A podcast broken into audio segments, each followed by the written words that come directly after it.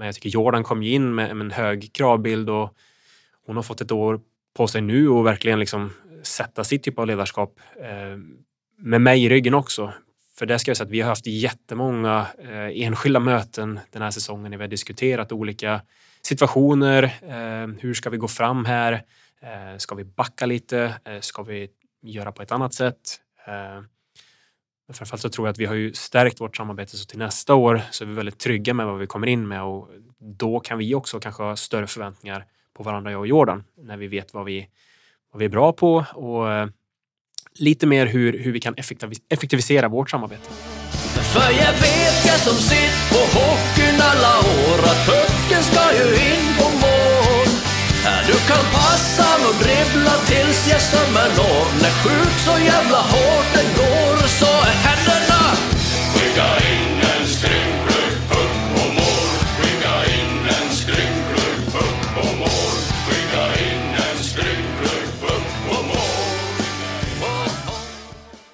Varmt välkomna till ytterligare en eh, så kallad sommarpodd tillsammans med Leksands IF. Den här gången tillsammans med eh, Värmlänningen Alexander Eriksson som blev MAS fick ett riktigt dalaklingande efternamn i Bröms också.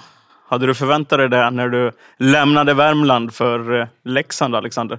Nej, långt ifrån. Det, jag får ju skylla på min, min underbara fru. Det är liksom hon som har på något sätt hållit mig kvar i Leksand och såg till så att, så att det blev Bröms i slutändan.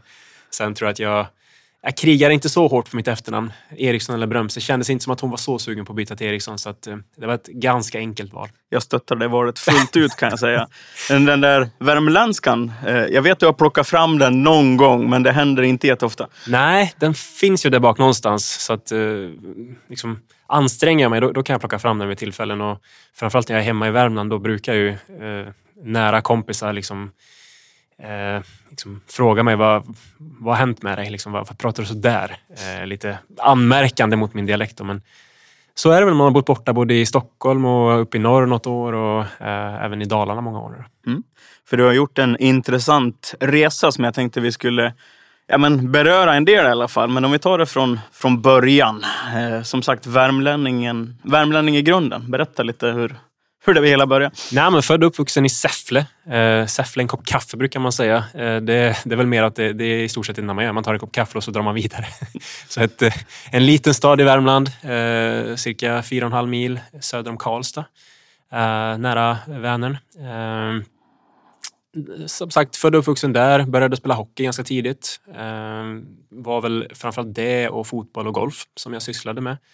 Eh, fastnade för hockeyn när det var dags att börja gymnasiet och grejer. Ehm, och där och då så liksom, var inte Leksand med i bilden i, i första hand utan Eh, Mora var på tapeten. Eh, kom inte in i Mora utan hamnade i Sunne, eh, nio mil norr upp i, i Värmland. där jag egentligen var ungefär ja, men en och en halv säsong någonting innan, innan Leksand hörde av sig. Eh, Niklas Eriksson, numera sportchef i Örebro, eh, pratade jag med då som eh, tyckte att jag skulle komma hit och testa lyckan. Och, eh, I samma veva så hade jag också lite andra eh, möjligheter på annat håll, men eh, valde att hälsa på er i Leksand och eh, det är väl en sak som jag absolut inte ångrar med, med allt som kom därefter.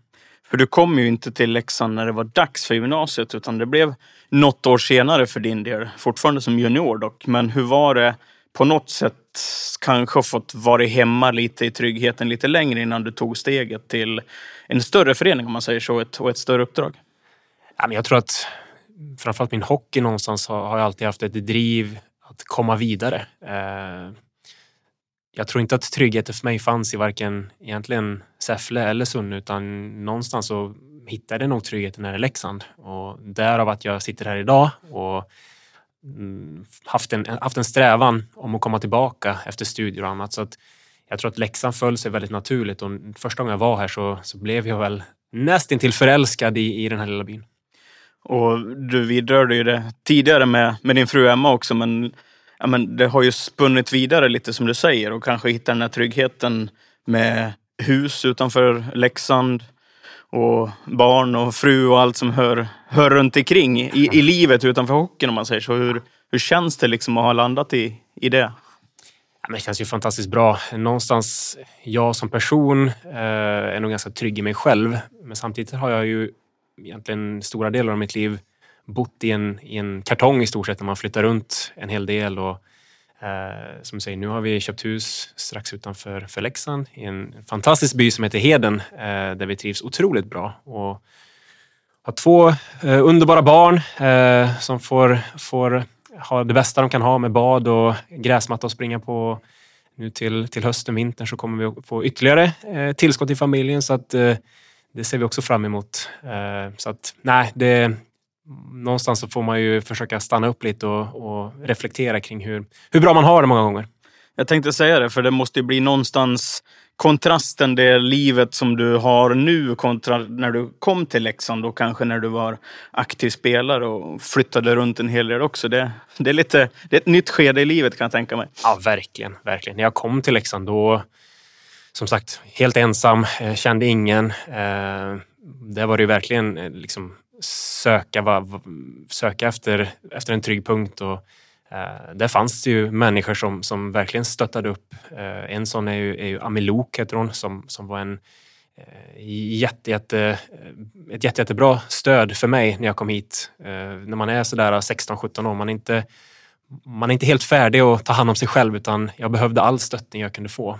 samma med före detta ungdomsansvarig i Leksand, Bertil Johansson, var också ett, ett nära stöd till mig och eh, hjälpt mig otroligt mycket eh, med saker och ting, både, både praktiskt men också eh, liksom tankemässigt och få bolla tankarna med, med, med, någon kring, kring hockeysaker och skola och eh, saker som hände runt omkring mig. Mm. Och just karriären som spelare då. Eh, du kom ju som sagt till Leksand som junior och hann göra några matcher med, med herrlaget också. Hur, hur minns du den där tiden? Ja, men jag, jag, tror att för mig då, backar man tillbaka bandet lite och kollar på Sunne så gick det också ganska snabbt. Kom dit och började att spela med J18 och fick några matcher med J20 och egentligen en halv säsong och sen helt plötsligt var jag uppe i, i, i eh, division 1 och spelade seniorhockey eh, som junior och eh, Sunne var ändå ett ganska bra division 1-lag. Det var bra konkurrens i det laget så att eh, där fick jag ju ändå känna på seniorhockeyn och jag tror att steget då till att komma till Leksand och spela J20 högsta serien var enklare än om jag hade kommit eh, och bara spelat juniorhockey tidigare. Så att jag var nog lite härdad innan ändå. Eh, men, men samtidigt så var, var det en ganska stor skillnad att komma till, till Leksands IF som är en stor förening. Eh, många bra spelare, en bra verksamhet, bra ledare.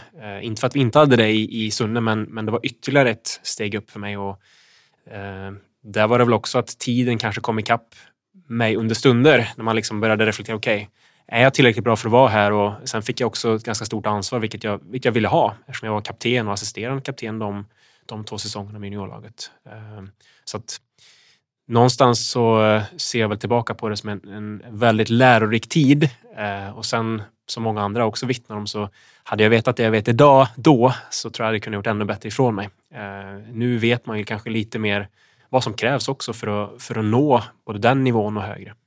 Och lite på det temat, kanske svårt att minnas tillbaks, men nu har du varit i föreningen som anställd, främst på, på damsidan, men du har varit involverad i, i andra delar i huset också. Eh, någonstans när du kommer hit, eller när du kom hit som juniorspelare, kanske svårt att få det här men vidare perspektivet av en förening. Men hur, hur, upplever man det när man kommer till en sån här organisation som junior och, och grön och lite ovetande? Nej, men för mig var det stort. Eh, att spela i Säffle och sen i Sunne och sen komma till Leksands IF. Det var ju, det var ju jättestort. Eh, och framförallt, eh, jag tror man spelade i Hockeyallsvenskan något år och sen tror jag man var uppe och kanske var i SHL eller om det var Hockeyallsvenskan de efterföljande åren också. Eh, men, men det var stort eh, och jag tror framförallt att, att det Leksand som, som by eller som samhälle är så pass litet. Det hjälper ju till. Eh, hockeyn är så stor men byn är så liten så man känner ändå eh, en viss typ av trygghet. Man kommer ändå nära de andra i laget. Eh, för vi hade en väldigt bra grupp upplevde jag väldigt snabbt när jag kom hit. Eh, och jag tror det var också det som ledde till att vi tog ett junior-SM-guld eh, år två för mig. Här, att vi vi var så pass tajta och eh, alla uppskattade varandra i laget väldigt mycket och eh, gillade att hänga med varandra och, och kände varandra eh, lite mer på djupet. Så att, äh, men det, var, det var stort att komma till Leksands IF då. Eh, sen som du säger har man fått varit i både Leksands IF och i Björklöven och även rantat runt i Stockholm något år. Så att det, det har lagt sig lite den där liksom storheten på något sätt. Du är ju inne på en härligt, ett härligt minne skulle jag vilja säga. Det är ju faktiskt senaste SM-guldet när föreningen tog. Det var 13 år sedan. Det är alldeles för länge sedan. Men Ja, ändå, du var ju med och tog det där guldet i, i Globen. Slog Brynäs i finalen. Hur, vad tar du med dig liksom för minnen ifrån ett guld? Ja, men det var ju galet egentligen när man tittar tillbaka. Eh, där och då så tycker jag att vi, vi var ju verkligen underdogs i, i den matchen eh, mot Brynäs med, med alla Eh, så kallade stjärnspelare, eller liksom de, det laget de ställer på banan. Eh, men, tittar man sig i efterhand, de killarna vi hade i laget, vad, vad, de har, vad det har blivit av dem, så har ju många kommit väldigt långt med sina hockeykarriärer. Eh, men jag minns ju att, som jag sa, att det var, var en, det var en speciell säsong där vi liksom gick från, tycker jag i alla fall, klarhet till klarhet. Där vi hade motgångar som vi, alltså rent sportsligt, resultatmässigt, som vi, vi, vi tog på ett bra sätt och, och kunde vända. Jag vet, minns att vi förlorade en, mot Frölunda hemma i första matchen och kunde vända runt det där i Göteborg mot Frölunda som var ganska liksom högt rankade.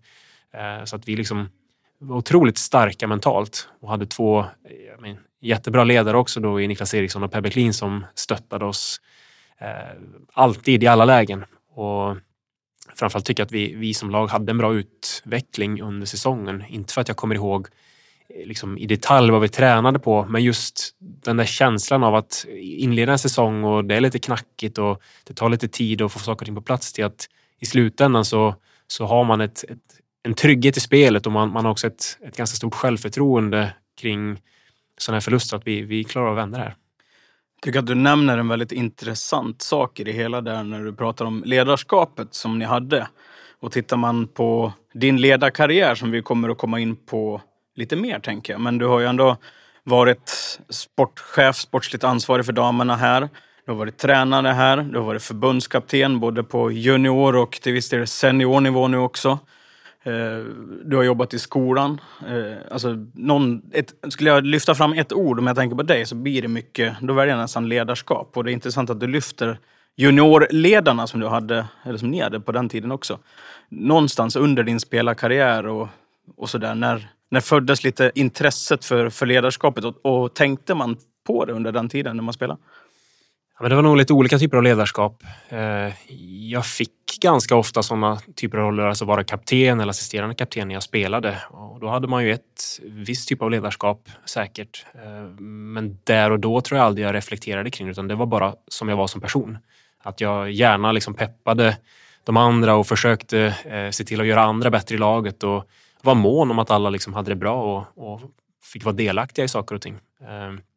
Sen tror jag att framförallt min utbildning på, på Bosön, eh, där, där allting vi gjorde egentligen kretsade kring ledarskap eh, och framförallt att jag fick eh, teoretiska belägg kring ledarskap. Eh, och det är väl någonting jag, jag tar med mig som en av de lärarna sa väldigt tydligt att vill man vara praktisk då måste man vara teoretisk först. Att liksom förstå någon form av teori innan man kan utöva, utöva det praktiskt. Eh, och under min tid på Bosön så fick jag verkligen liksom vara liksom teoretiskt, läsa böcker, eh, fördjupa oss i olika teorier kring ledarskap till att sen också praktisera det både på klasskamrater men också på andra grupper, både eh, äldre och yngre grupper för att se skillnader eh, i hur de, eh, hur, de, hur de reagerar på att bli ledda. Så att ledarskapet har ju liksom funnits med nu under ganska lång tid och sen har man fått vara i olika roller som du nämnde, alltså både eh, som sportchef, eh, som, som förbundskapten, som, som tränare och haft olika lag eh, där man haft eh, olika individer, eh, där man verkligen har fått jobba med situationsanpassat ledarskap.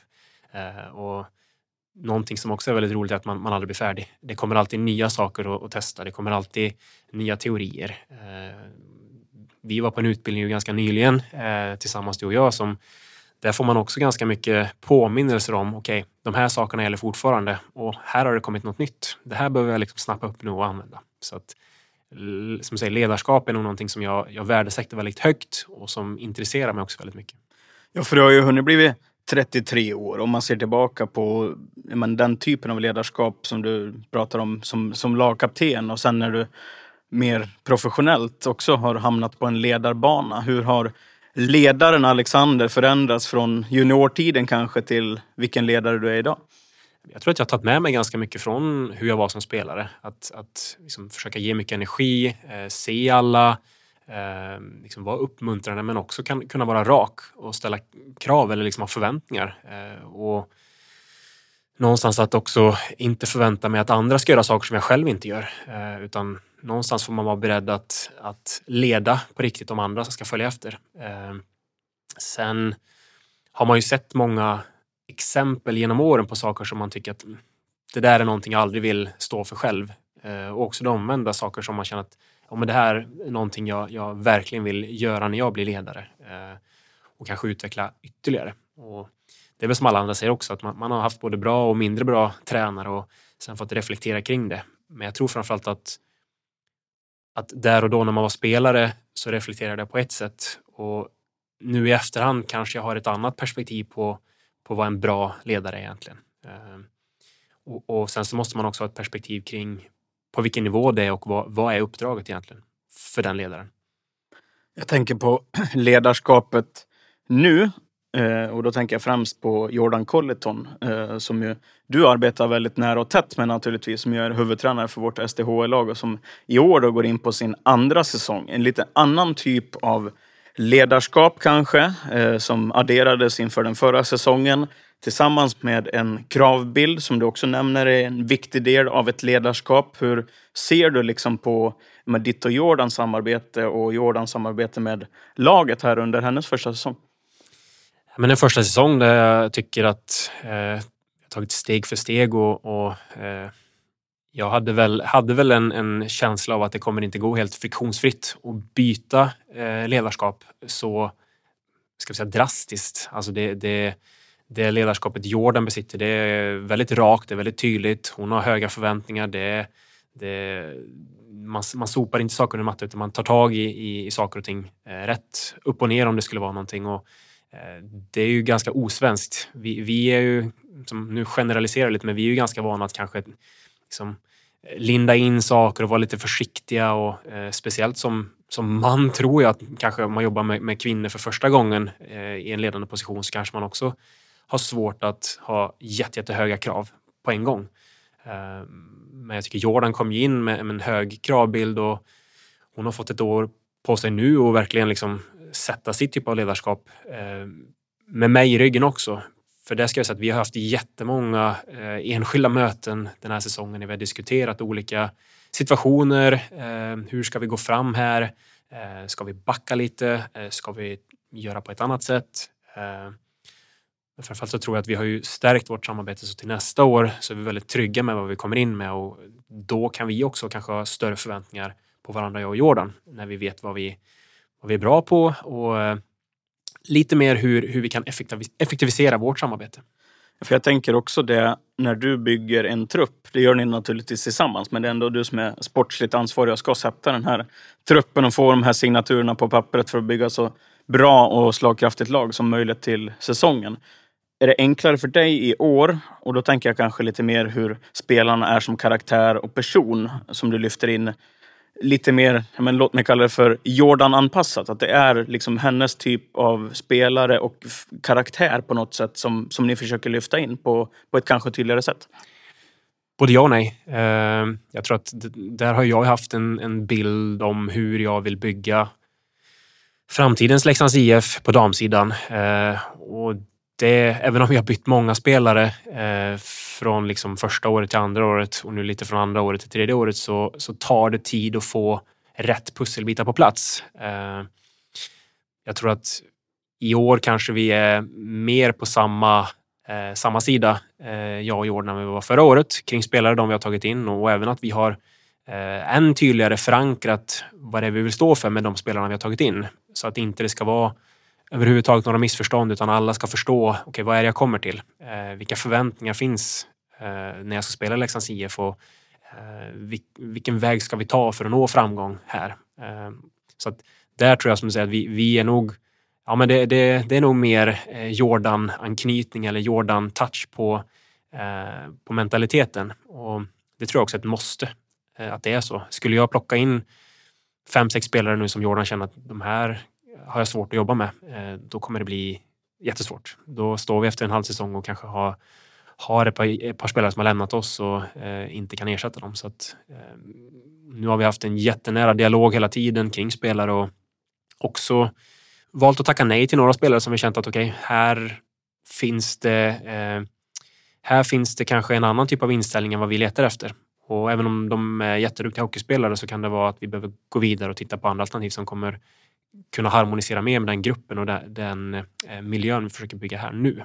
Eh, sen tror jag väl också att saker och ting som hände under föregående säsong kan ju göra det svårare för oss att rekrytera spelare. Eh, det finns ju kanske vissa som ryggar tillbaka lite när de säger att vi skickar någon spelare som vi gjorde under föregående år. Att, att vad är det som händer i Leksand? Vad, vad är det för kravbild de har och hur jobbar de med spelare och så vidare. Men jag tror att de som har pratat med oss Eh, gillar det vi håller på med. De allra flesta i alla fall. Att det finns förväntningar både, både från eh, liksom ledarsidan men också från spelarsidan, de som kommer hit. De ska ha förväntningar på oss. Vi ska bedriva en bra verksamhet och eh, det är dit vi är på väg. Eh, men då måste vi också ha spelare som, som chippar in och eh, liksom gör 100 procent av vad det är Leksand vill göra.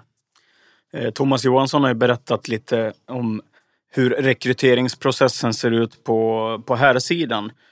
Eh, det skiljer sig lite åt för er del. Jag tänker framförallt Thomas, mycket stöd av Petter som jobbar men, heltid och aktivt med att scouta, analysera spelare. På här sidan kanske det är mer inblandning av agenter i verksamheten och så vidare. Om du utifrån ditt perspektiv och hur det ser ut kanske lite generaliserande i SDHL och, och svensk damhockey, berätta lite hur, hur rekryteringsprocessen ser ut för, för dig och er när vi, äh, jag ska säga, jag har inte jättebra koll på hur de andra SDH-klubbarna rekryterar. Eh, det ska jag villigt erkänna. Utan, eh, och det, där har jag väl också haft en, en eh, ett förhållningssätt att, att försöka titta mer inåt. Inte vara så orolig för vad alla andra gör och inte gör utan försöka verkligen titta, okay, men vad, hur ska vi jobba? vilka ska vi ta in? vad är det vi söker för typ av spelare?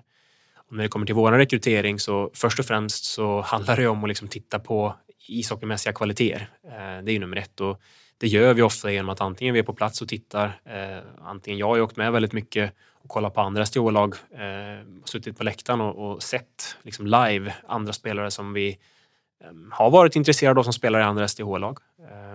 Så det är en del i att faktiskt titta live, även att man kan åka. Nu har jag haft förmånen också att vara förbundskapten som du är inne på. Då får man åka på Eh, VM och eh, andra turneringar och kunna se spelare när de spelar i, i sina landslag. De som inte spelar eh, i SDHL.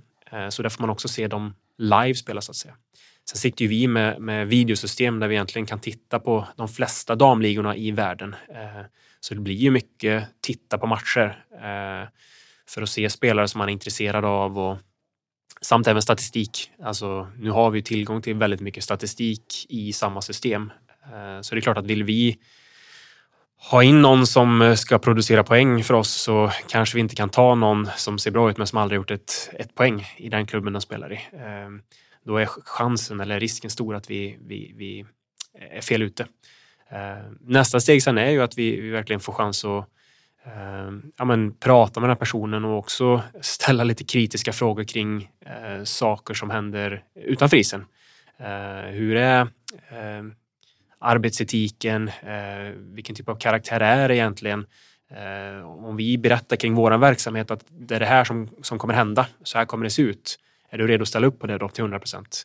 Eh, och där är det vissa som säger absolut, det låter jätte, jättebra och andra säger mm, ja, eller skulle jag kunna liksom få göra min egen grej? Nej, det, det funkar inte riktigt.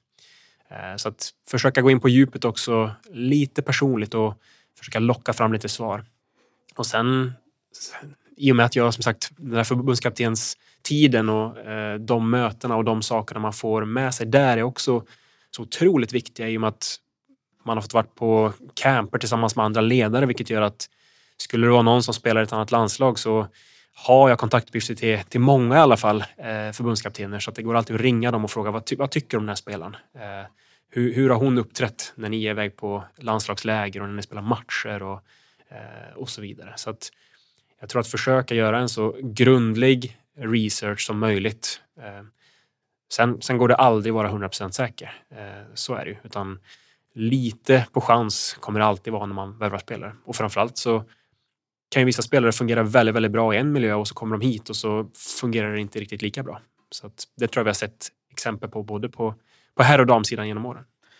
Tittar man på eh, men, de ekonomiska aspekterna också så du får rätta mig om jag är fel för jag, det är bara min känsla men ändå någonstans framförallt de här toppspelarna blir väl successivt dyrare och dyrare även på, på damsidan. Hur ser liksom den här dragkampen ut om de här mest attraktiva spelarna eh, er klubbar emellan? Ja, men det som du säger, de bästa spelarna har ju alltid anbud från de, de flesta klubbarna skulle jag nästan tro. Uh, och sen som du säger, de blir dyrare och dyrare. Men jag skulle säga att också generellt så blir spelarna i SDHL dyrare och dyrare. Uh, ligan blir ju mer och mer attraktiv. eh, vilket också eh, gör att förhoppningsvis får vi in mer pengar och, och ska vi också höja nivån eh, i SDHL så är det klart att vi, vi behöver ge spelarna bättre förutsättningar till att träna, till att spela, till att återhämta sig. Så att, sen så tror jag att vissa eh, har väl en tanke kring hur man bygger ett lag, att man, man vill verkligen, verkligen lägga pengar på, på några stycken eh, större stjärnor som ska kanske bidra till stor del av lagets framgång medan andra och kanske vi också i den kategorin kanske vill sprida ut det lite mer över, över fler händer och fötter och försöka ge fler spelare bra förutsättningar för att mm, liksom, i längden bli mer slagkraftiga. Eh, det finns ju en ganska stor risk att lägger vi alla, alla pengar på ett kort att eh, man bygger upp någonting som egentligen är väldigt individbaserat så att när den spelaren sen försvinner så, så står vi där och behöver, är så beroende av att hitta en annan eh, likvärdig spelare så att säga. Eh, istället för att kanske ha verkligen byggt ett lag. Om det då skulle vara någon som lämnar, men då, då finns det andra som kan axla den rollen eller liksom ta ytterligare kliv.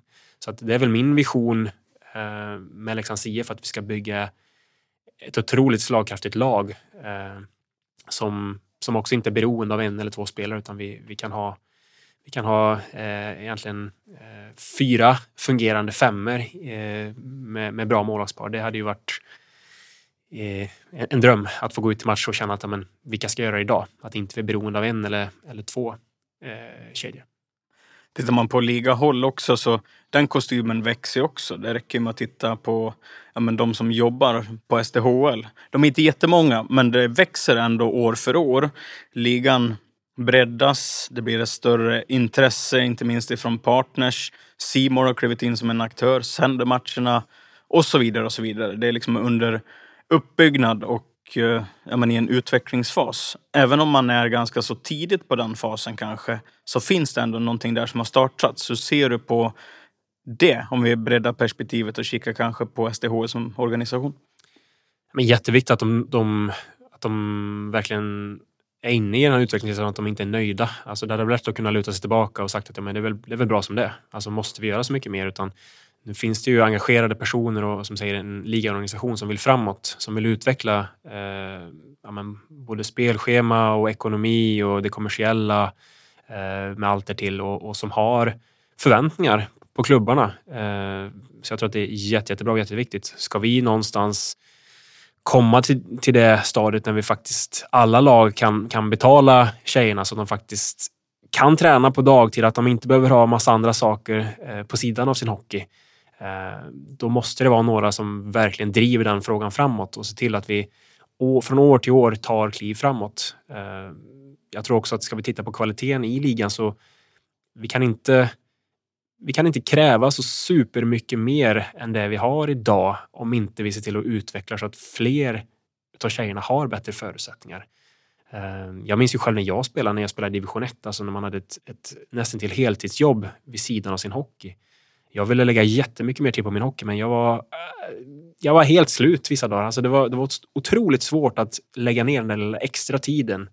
Eh, så jag har ju full förståelse för de tjejerna som behöver jobba för att få ekonomin att gå ihop och sen ska de komma hit och så ska de träna fys och så ska de träna is och så är det någon som tycker att de inte gör det tillräckligt bra. Eh, så att någonstans är det en strävan, jag tror både från ligan och från oss som, som klubbar, att men, vi vill ju nå dit när vi kan ge alla bra förutsättningar. Då kan vi ställa riktigt höga krav på att, att det ska vara bra. Det ska vara bästa ligan i världen förhoppningsvis. Jag har ju varit inne lite på det spåret. Om man tittar på intresseutvecklingen även bland Leksands IFs supportrar och våra följare på, på olika sätt. Det känns som att det har det har också tagit sina kliv. Eh, vi får mer skäll nu när det går dåligt, vilket är någonting positivt för att det finns ett engagemang i botten. Och men, intresset växer tycker jag i alla fall. Man märker det på, på olika kommentarer. Det pratas mer damhockey. Vi får mer ja, men, räckvidd i sociala medier när det handlar om damerna och så vidare. Det där liksom, det ångar på och växer hela tiden. Dock så vet vi hur det brukar se ut i, i hallarna. Det är inte alla de som tar sig hit och är fysiskt på plats. Hur ser du på den pucken? För det är också någonting man jobbar väldigt mycket på ifrån ligahåll och verkligen få publiken att besöka arenorna. Ett måste.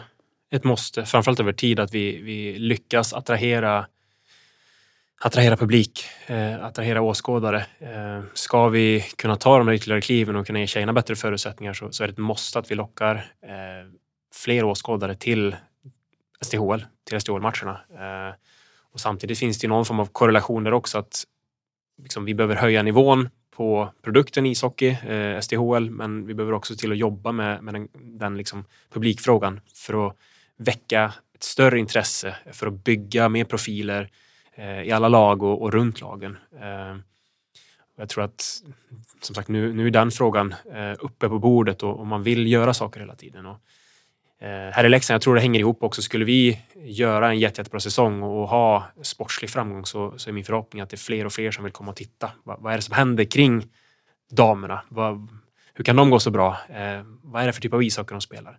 Jag kan ändå märka en viss typ av skillnad nu när man införde tacklingar i ligan. Att, att det hände också någonting.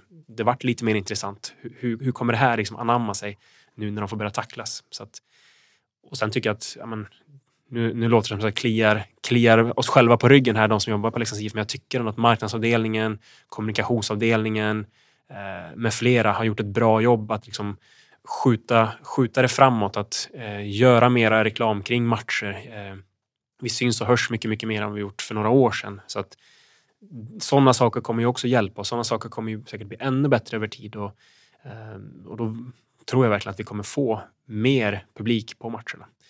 Men sen ska man också säga att Leksand är ju eh, speciella eh, på så sätt att, att det bor inte så många i Leksand. Eh, vad har vi som centrala Leksand? Det är 7-8 tusen som bor i Leksand. Så att, jag menar, ska vi upp på kanske ha en 3-4 tusen på våra matcher, då är det ju kanske så att många måste åka hit från andra ställen eller att vi i stort sett tömmer halva, halva byn. Och ja, jag tror att det, vi måste se, se realist, realistiskt på det och vi måste hitta vägar för att, för att utveckla den här publikfrågan.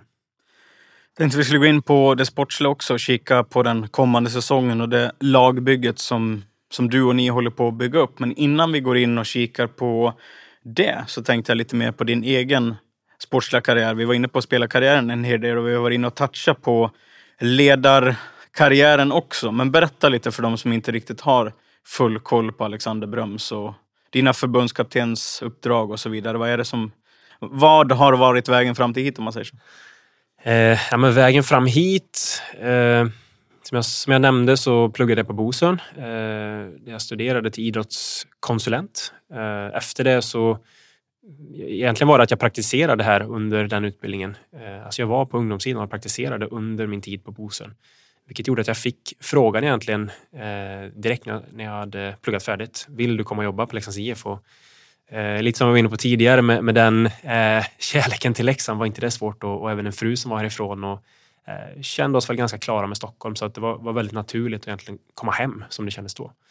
Eh, och därifrån få jobba på, på ungdomssidan här då med hjälpa till på lite olika håll och kanter och hålla ihop lite administration med, med både kupper och camper och eh, sen lite senare även ramla in på hockeyskolan som, som blev mitt, eh, mitt gebit. Eh, Sen vart det lite förändringar under mitt första år här på Leksands IF. Eh, av, tillfälligheter så, så, stod jag själv där och fick liksom testa på att vara ungdomsansvarig ganska snabbt. Eh, och jag tror att det skapade också väldigt mycket erfarenhet kring det här med ledarskap. Eh, och jag fick också en ganska bred syn på hur det, hur det funkar på en, i en ungdomsverksamhet eh, och, och liksom vilka delar är man behöver, behöver hålla, hålla koll på, och få ihop saker och ting. Och, eh, hur mycket mer saker det finns som inte man ser eh, när man bara pratar om ungdoms, eh, ungdomsidrott och ungdomssidan. Eh, något något, år senare sen så fick jag frågan om att också jobba på, med hockeygymnasiet här. Eh, både flickor och pojkar.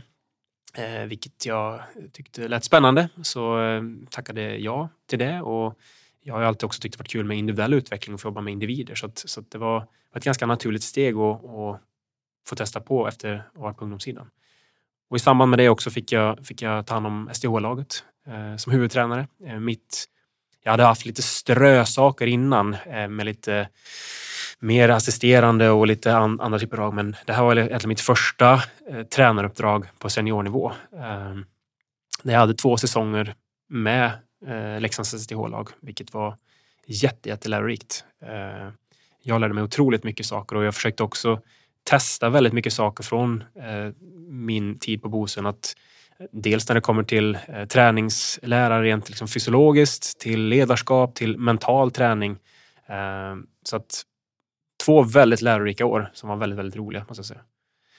Eh, och direkt efter de två åren så fick jag frågan, eller under egentligen mitt andra år fick jag frågan från Svenska ishockeyförbundet om jag, om jag var intresserad av att ta över U18-landslaget för tjejer. Och det kändes ju också som, som väldigt spännande att få testa på liksom, ja, men, en internationell ishockey, att vara ute och spela mot andra länder och vilken typ av ishockey. Eh, och sen också få på något sätt en annan typ av utmaning, att bygga ett lag och få ha kort tid med spelarna.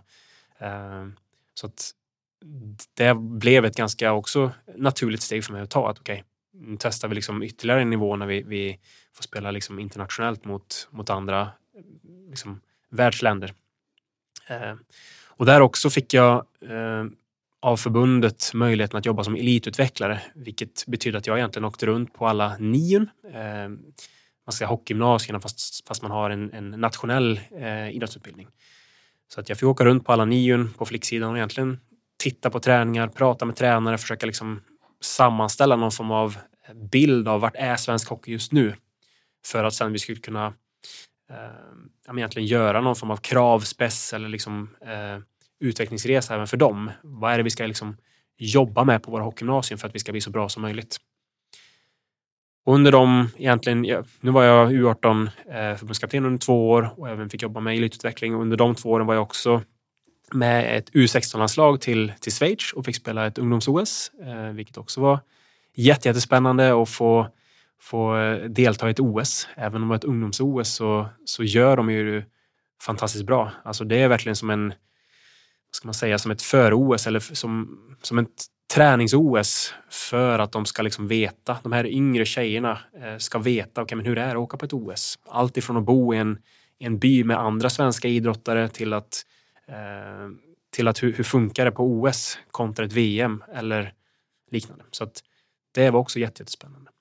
Och sen också så var jag med och assisterade på, på Damkronan under, under de två säsongerna och eh, fick hjälpa till. Det var framförallt, jag kom in väldigt sent. Alltså vi hade ju matcher, läger, landskamper, turneringar under säsongens gång. Så att egentligen eh, var det bara under VM som jag eh, hoppade in i båset och, och var lite resurs eh, hos seniorlaget.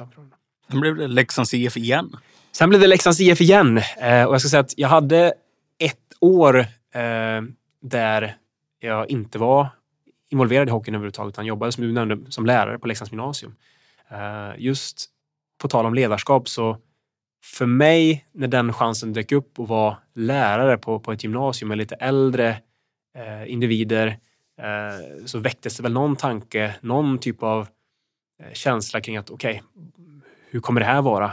Hur, hur, kan det påverka? Hur kan jag påverka dem jag får liksom jobba med i den miljön? För det var ju någonting helt annat än att ha ett hockeylag. Eh, tycker man att det, det spretar ett hockeylag så, så kan man gå in i ett klassrum och, och eh, ha liksom en, eh, 30 elever. Då, då, kan, då kan det spreta. då kan det vara någon som är jättemotiverad och någon som ja, knappt vill vara, vara där. Så att för mig var det också en fantastisk möjlighet att få, få utöva mitt ledarskap fast i en helt annan miljö eh, men också lite okänd mark kring hur, hur, ska, hur, hur behöver jag jobba? Eh, vilka riktlinjer har Leksands gymnasium på mig? Hur ska jag liksom anpassa mig till det? Eh, så det fick jag också liksom verkligen utmana mitt ledarskap och, och, testa på det i en annan miljö. Sen därefter så fick jag ju frågan av Leksands IF eh, kring det här med att okej, okay, nu behöver vi ta ett, ett omtag kring hela liksom damverksamheten. Vi behöver liksom få få inte få ordning på saker, men vi behöver liksom påbörja något nytt. Vi behöver påbörja en ut, utvecklingsresa här nu och, och se till att bygga någonting över tid. Eh, så att efter diskussioner med både, både Andreas, men framförallt Thomas, så landade det i att jag, jag tackade ja till den möjligheten. Och nu har jag, går jag in på mitt tredje år som sportsligt ansvarig och det har ju också varit totalt nytt. Liksom. Eh, väldigt stor skillnad från att, från att vara tränare till att bli sportchef. Men dessutom fortfarande en liten fot i alla fall i den, på den internationella scenen. Inte så liten fot heller kanske. Du är ju dessutom involverad i Österrike. Ja, stämmer. Jag är ju egentligen, där säger de inte förbundskapten, säger de chefstränare. Så jag är chefstränare för Österrikes damlandslag. Är en ny titel. Det är en ny titel. Eh, nej men, det var väl också en väldigt spännande sak. Den frågan dök upp egentligen från, från ingenstans. Det var ingenting som jag själv eh, hade förväntat mig eller som jag satt och väntade på eller som jag trodde. Utan eh, rätt vad det så, så fick jag ett telefonsamtal en dag och, eh, från en, en, en herre på, på Österrikiska förbundet som, som frågade hur, hur min situation var och jag förklarade att jag är sportchef i Leksand och Eh, han frågade skulle det på något sätt finnas utrymme för dig att och, och vara tränare för vårt damlandslag. Och, eh, där fick jag ju först och främst eh, undersöka internt om, om, om Leksands IF skulle tillåta det. Och, eh, nu har vi sagt att vi testar något år här och ser, ser hur det funkar för min del. Och det, så, så här långt har det funkat bra. Eh, det har inte stört mig allt för mycket med, med mitt andra jobb. Eh, nu skulle vi egentligen ha, ha spelat ett VM redan, men eh, i och med allt som händer i Kina och framförallt för några månader, månader sedan tillbaka så har, har det VMet blivit framflyttat. Så att eh, augusti eh, ska vi åka till Kina och försöka bli ett av två lag som tar klivet upp i, i högsta, eh, vad ska man säga, högsta poolen. För nu spelar vi i BVM, som det heter. Där har du ju ja, men, ledarskapsrollen som, som tränare, tänker jag. Men annars i vardagen, det är klart att du är ansvarig för helheten på damsidan. Du har din trupp eh, och så vidare. Eh, men ändå, inte den här kanske dagliga tränarrollen. Hur stimulerar du ditt ledarskap nu för tiden på dagarna? Jag tror framförallt så, så får jag jobba med ledarskap och leda de, de tränarna vi har. Eh, och jag tror att det har jag också reflekterat kring att jag tror att det är jättenyttigt och, och för mig att ha den här rollen och se någon annan utöva eh, ledarskap på isen och kring laget. Eh, det blir också ett väldigt nyttigt perspektiv att ha. Eh, när man är i den rollen så finns det vissa saker man, man har inte tid eller man reflekterar inte kring hur gruppen reagerar eller eh, hur, hur träningar kan se ut eller eh, vad som händer om vi gör på det här sättet. Så att någonstans så ser jag mig också som ett bollplank till ledarna men också att vi ska leda dem för att, för att de i sin tur ska leda våra, våra lag på bästa sätt. Så att jag tror att jag får min beskärda del av ledarskap dagligen här. Eh, och sen ska jag säga att jag också är ju i kontakt med spelare ofta. Alltså jag vill ju ändå säga att jag är närvarande sportchef. Så att det är inte som att jag springer och gömmer mig utan eh, jag finns här och, och, det är bara att kontakta mig om det skulle vara någonting. Eh, och det är jag jätteöppen med från första början till, till säsongen är slut med alla spelare. Att är det något problem, är det någonting vi vill prata om, eh, det är bara att liksom kontakta mig. Då. Och det behöver inte vara problem heller, utan jättekul om någon vill prata om någonting som är, som är bra eller som, som så. Men jag tror också att för min del, när det kommer till ledarskap, sportchefsrollen, så har också det här året på Leksands gymnasium hjälpt mig otroligt mycket med att sätta struktur. Eh, skolan är ju jätteduktiga på att sätta strukturer med möten, uppföljningar, eh, hur, man, hur man bygger plattformar, eh, hur man hanterar individer eh, när det går bra, när det inte går bra. Så jag tror att det där året jag hade på Leksands gymnasium gav mig mer än vad jag tror, eller jag trodde att det skulle göra, eh, så här i efterhand.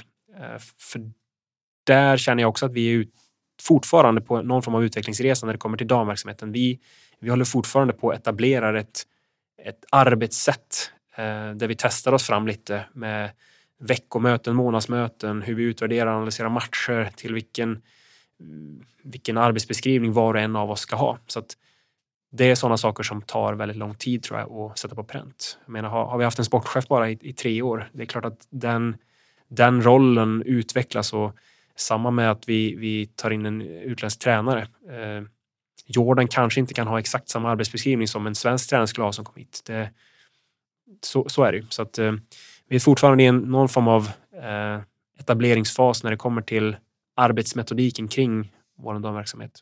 Men ska också säga att vi har gått fram väldigt mycket och också hittat rätt i, i många olika delar.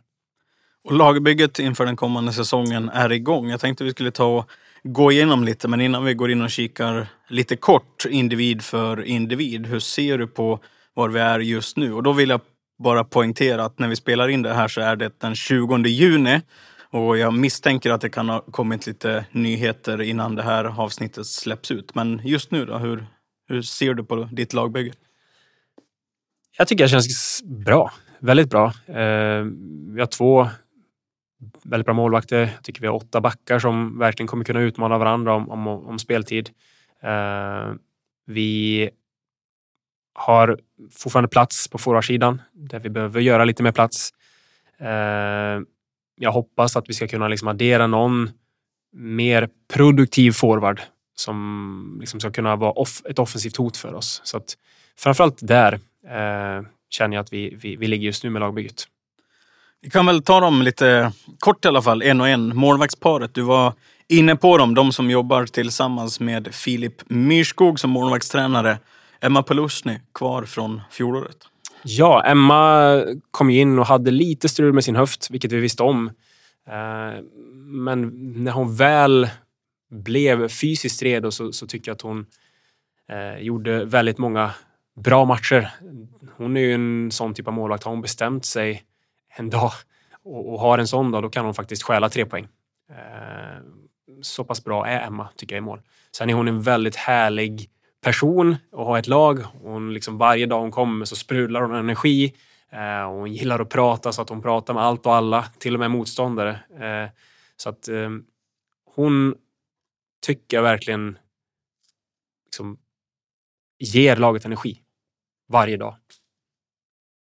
Hon kompletteras den här säsongen av Ellen Jonsson, mest känd från Brynäs men senast ifrån AIK. Jag och Ellen har ju haft kontakt eh, egentligen under några års tid här nu. När det, egentligen tajmingen har inte funnits där till att hon skulle spela i Leksands IF. Eh, till kommande säsong så fanns tajmingen där, eh, vilket inte gjorde valet eh, av eh, andra målvakten jättesvårt. Utan Ellen tycker jag hade en väldigt bra utveckling i Brynäs.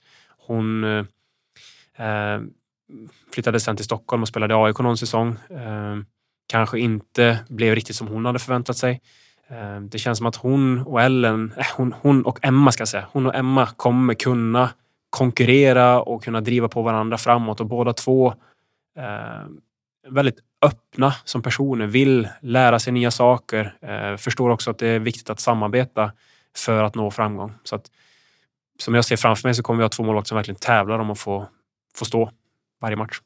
Backsidan med eh, först och främst Nathalie Lidman som faktiskt blev en av Sveriges VM-backar till slut den här säsongen för bara ett par månader sedan. Hur ser du på att få behålla henne i Leksands IF?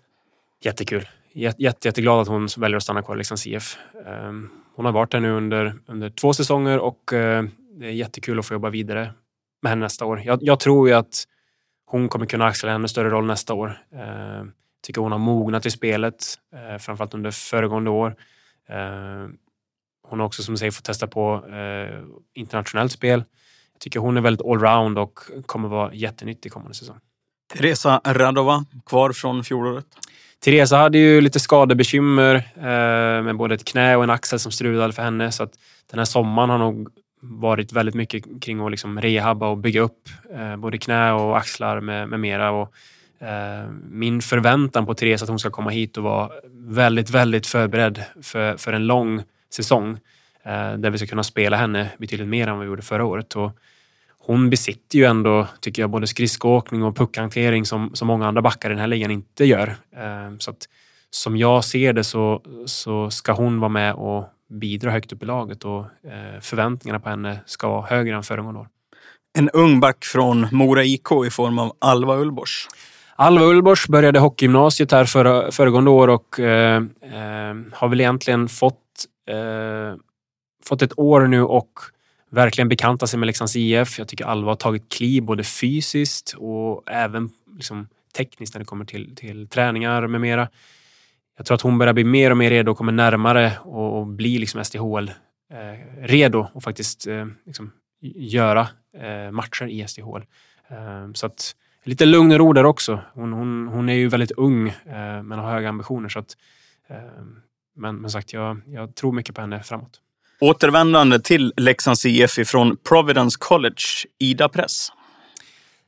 Men jag tycker att jätte, jättekul framförallt att hon väljer att komma tillbaka. Eh, nu har hon varit borta fem år på college eh, och lämnade egentligen college eh, efter att ha varit i, i Leksand eh, under någon säsong. Eh, under min ledning fram, faktiskt. Så att jag ser jättemycket fram emot att Ida får komma tillbaka. Eh, jag tror att hon har lärt sig väldigt mycket. Jag har sett att hon har haft en, en liksom bra utveckling både, både hos Maine, men framförallt sista året också eh, när hon spelade i Providence. Så att eh, det ska bli jättekul att få tillbaka Ida och, och framförallt så har ju hon på något sätt byggt upp ett Leksands hjärta känns det som. Att, att hon, hon vill vara här och hon vill hjälpa Leksands IF till framgång. Finskt nyförvärv från AIK i form av Aino Karpinen.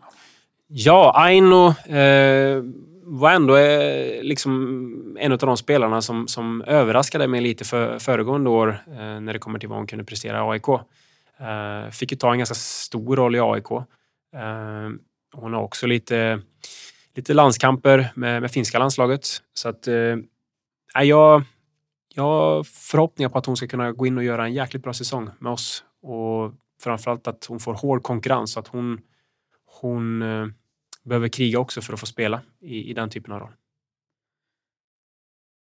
Nordamerikansk back från Schweiz senast och ifrån Lugano i form av Taylor Leach. Yes, Taylor eh, har vi också haft ögonen på eh, under x antal år här. När hon spelade både i Maine och sen var i Schweiz. Då. Eh, men en en allround-back som tycker är bra på skridskorna, bra rörlig på skridskorna, spelar enkelt. Hon, hon kommer också bli otroligt nyttig för oss i vinter tror jag. Kan spela egentligen i alla typer av roller. Ytterligare en ung svensk back från HV71 i form av Nathalie Karlsson Mattila. Ja, eh, rightback som kom upp i HV71 fick, fick spela en hel del matcher. Eh, tycker hon är intressant. Eh, tycker att det finns eh, en uppsida eh, som vi gärna vill fortsätta utveckla. Och jag tror att, att byta miljö kan vara väldigt bra ibland också för de här unga spelarna om, om man har fått, fått ett, vad ska man säga, inte en stämpel, men man, man har några som ser en i en viss typ av roll. Eh, så det ska bli jättekul att få jobba med, med Nathalie och se vad hon kan, kan bidra med till laget. Och ifrån Nordamerika och ett av två nyförvärv från Quinnipiac eh, University i form av Courtney Worcester. Exakt. Eh, Courtney var också en spelare som vi fastnade för när vi, vi tittade på, på spelare från college. Rightback som, som också är ganska allround. Eh, kanske inte den snabbaste rent liksom, skridskomässigt, eh, men liksom, spelar klokt. Eh, alltid på rätt sida. Eh, bra bedömningar. Också som person liksom, väldigt laglojal. Forwardsidan då? Ella Albensson, henne känner vi igen. Eh, tankar? Ja, men jättekul att Ella blir kvar och som sagt, jag, jag väntar ju på att Ella ska få det där stora genombrottet. Jag tycker hon har varit bra i SDHL, men jag tror att det finns så mycket mer eh, hos Ella. Så framförallt så vill jag ju se att hon, hon utvecklar både sin fysik eh, och sen också att hon får spela mer på sina styrkor kommande år.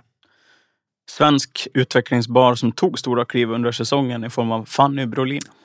Fanny kom till oss med kanske, kanske lite stukat självförtroende. Eh, tog lite tid kanske också för henne att bygga, men ändå började hon ganska pikt. Eh, sen hade hon också en, eh, en, en, lättare hjärnskakning som höll henne borta eh, under en period under säsongen. Så att det varit en liten, liten uppförsbacke sen hon skulle komma tillbaka, men överlag en, en väldigt bra säsong tycker jag och jag tror att vi har samma där mer att hämta av Fanny. Och kul att få jobba vidare med henne, att det inte bara blir liksom, eh, ett år och sen försvinner hon. Utan Fanny är en spelare som jag tror att vi kan bygga vidare på under en, en lång framtid. Och en riktig kulturbärare får vi väl ändå säga i form av Hanna Sköld. Hanna Sköld har ju varit i Leksand under många, många säsonger och är otroligt viktig för, för det här laget och eh, har ju varit kapten också under, under många, många av hennes eh, år här. Eh, Hanna tycker jag är en tvåvägsspelare som kan spela både offensivt och defensivt och eh, också en härförare eh, både på isen men också i omklädningsrummet. Svenskt i form av Matilda av Bjur som återvände till svensk hockey inför förra säsongen och till Leksands IF. Mm. Samma Matilda, lite samma stuk på, på henne och Hanna. Jag tycker Matilda också kan spela både eh, offensivt och defensivt. Hon, hon, hon, har, hon har många kvaliteter. Eh, jag tycker hon gjorde en, en bra säsong föregående år och eh, jag tror både, både hon och vi vill ännu mer. Eh, och jag tror att det är helt rätt för henne att försöka på något sätt eh, rota sig i en miljö nu och eh, se till att, liksom, att utvecklingen går framåt. Hon har fått vara med också med landslaget lite nu så att ja, men jag, jag ser verkligen fram emot att se Matilda kommande säsong och, och, hur hon kan liksom växla upp ytterligare.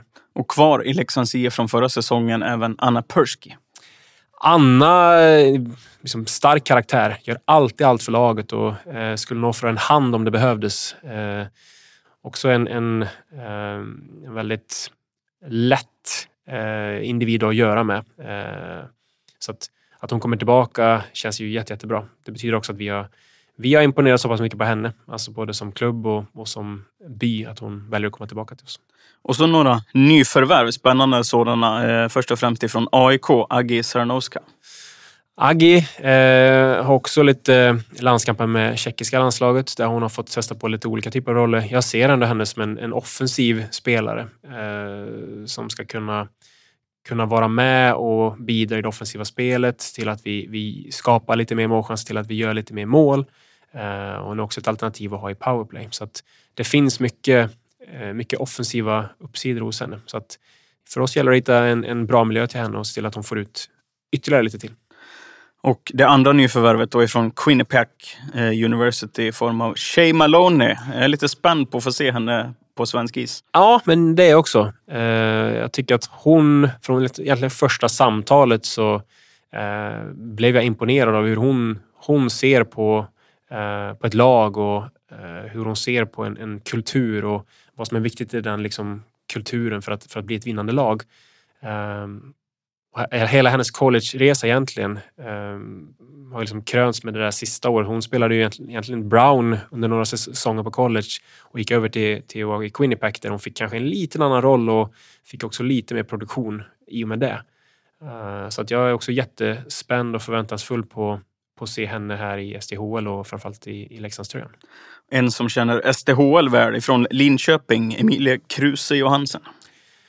Norskt. Eh, hon är också en sån spelare som, som jag har noterat, som jag har sett i och med att man ser mycket matcher i SDHL. Så, så hon är också en tvåvägsspelare.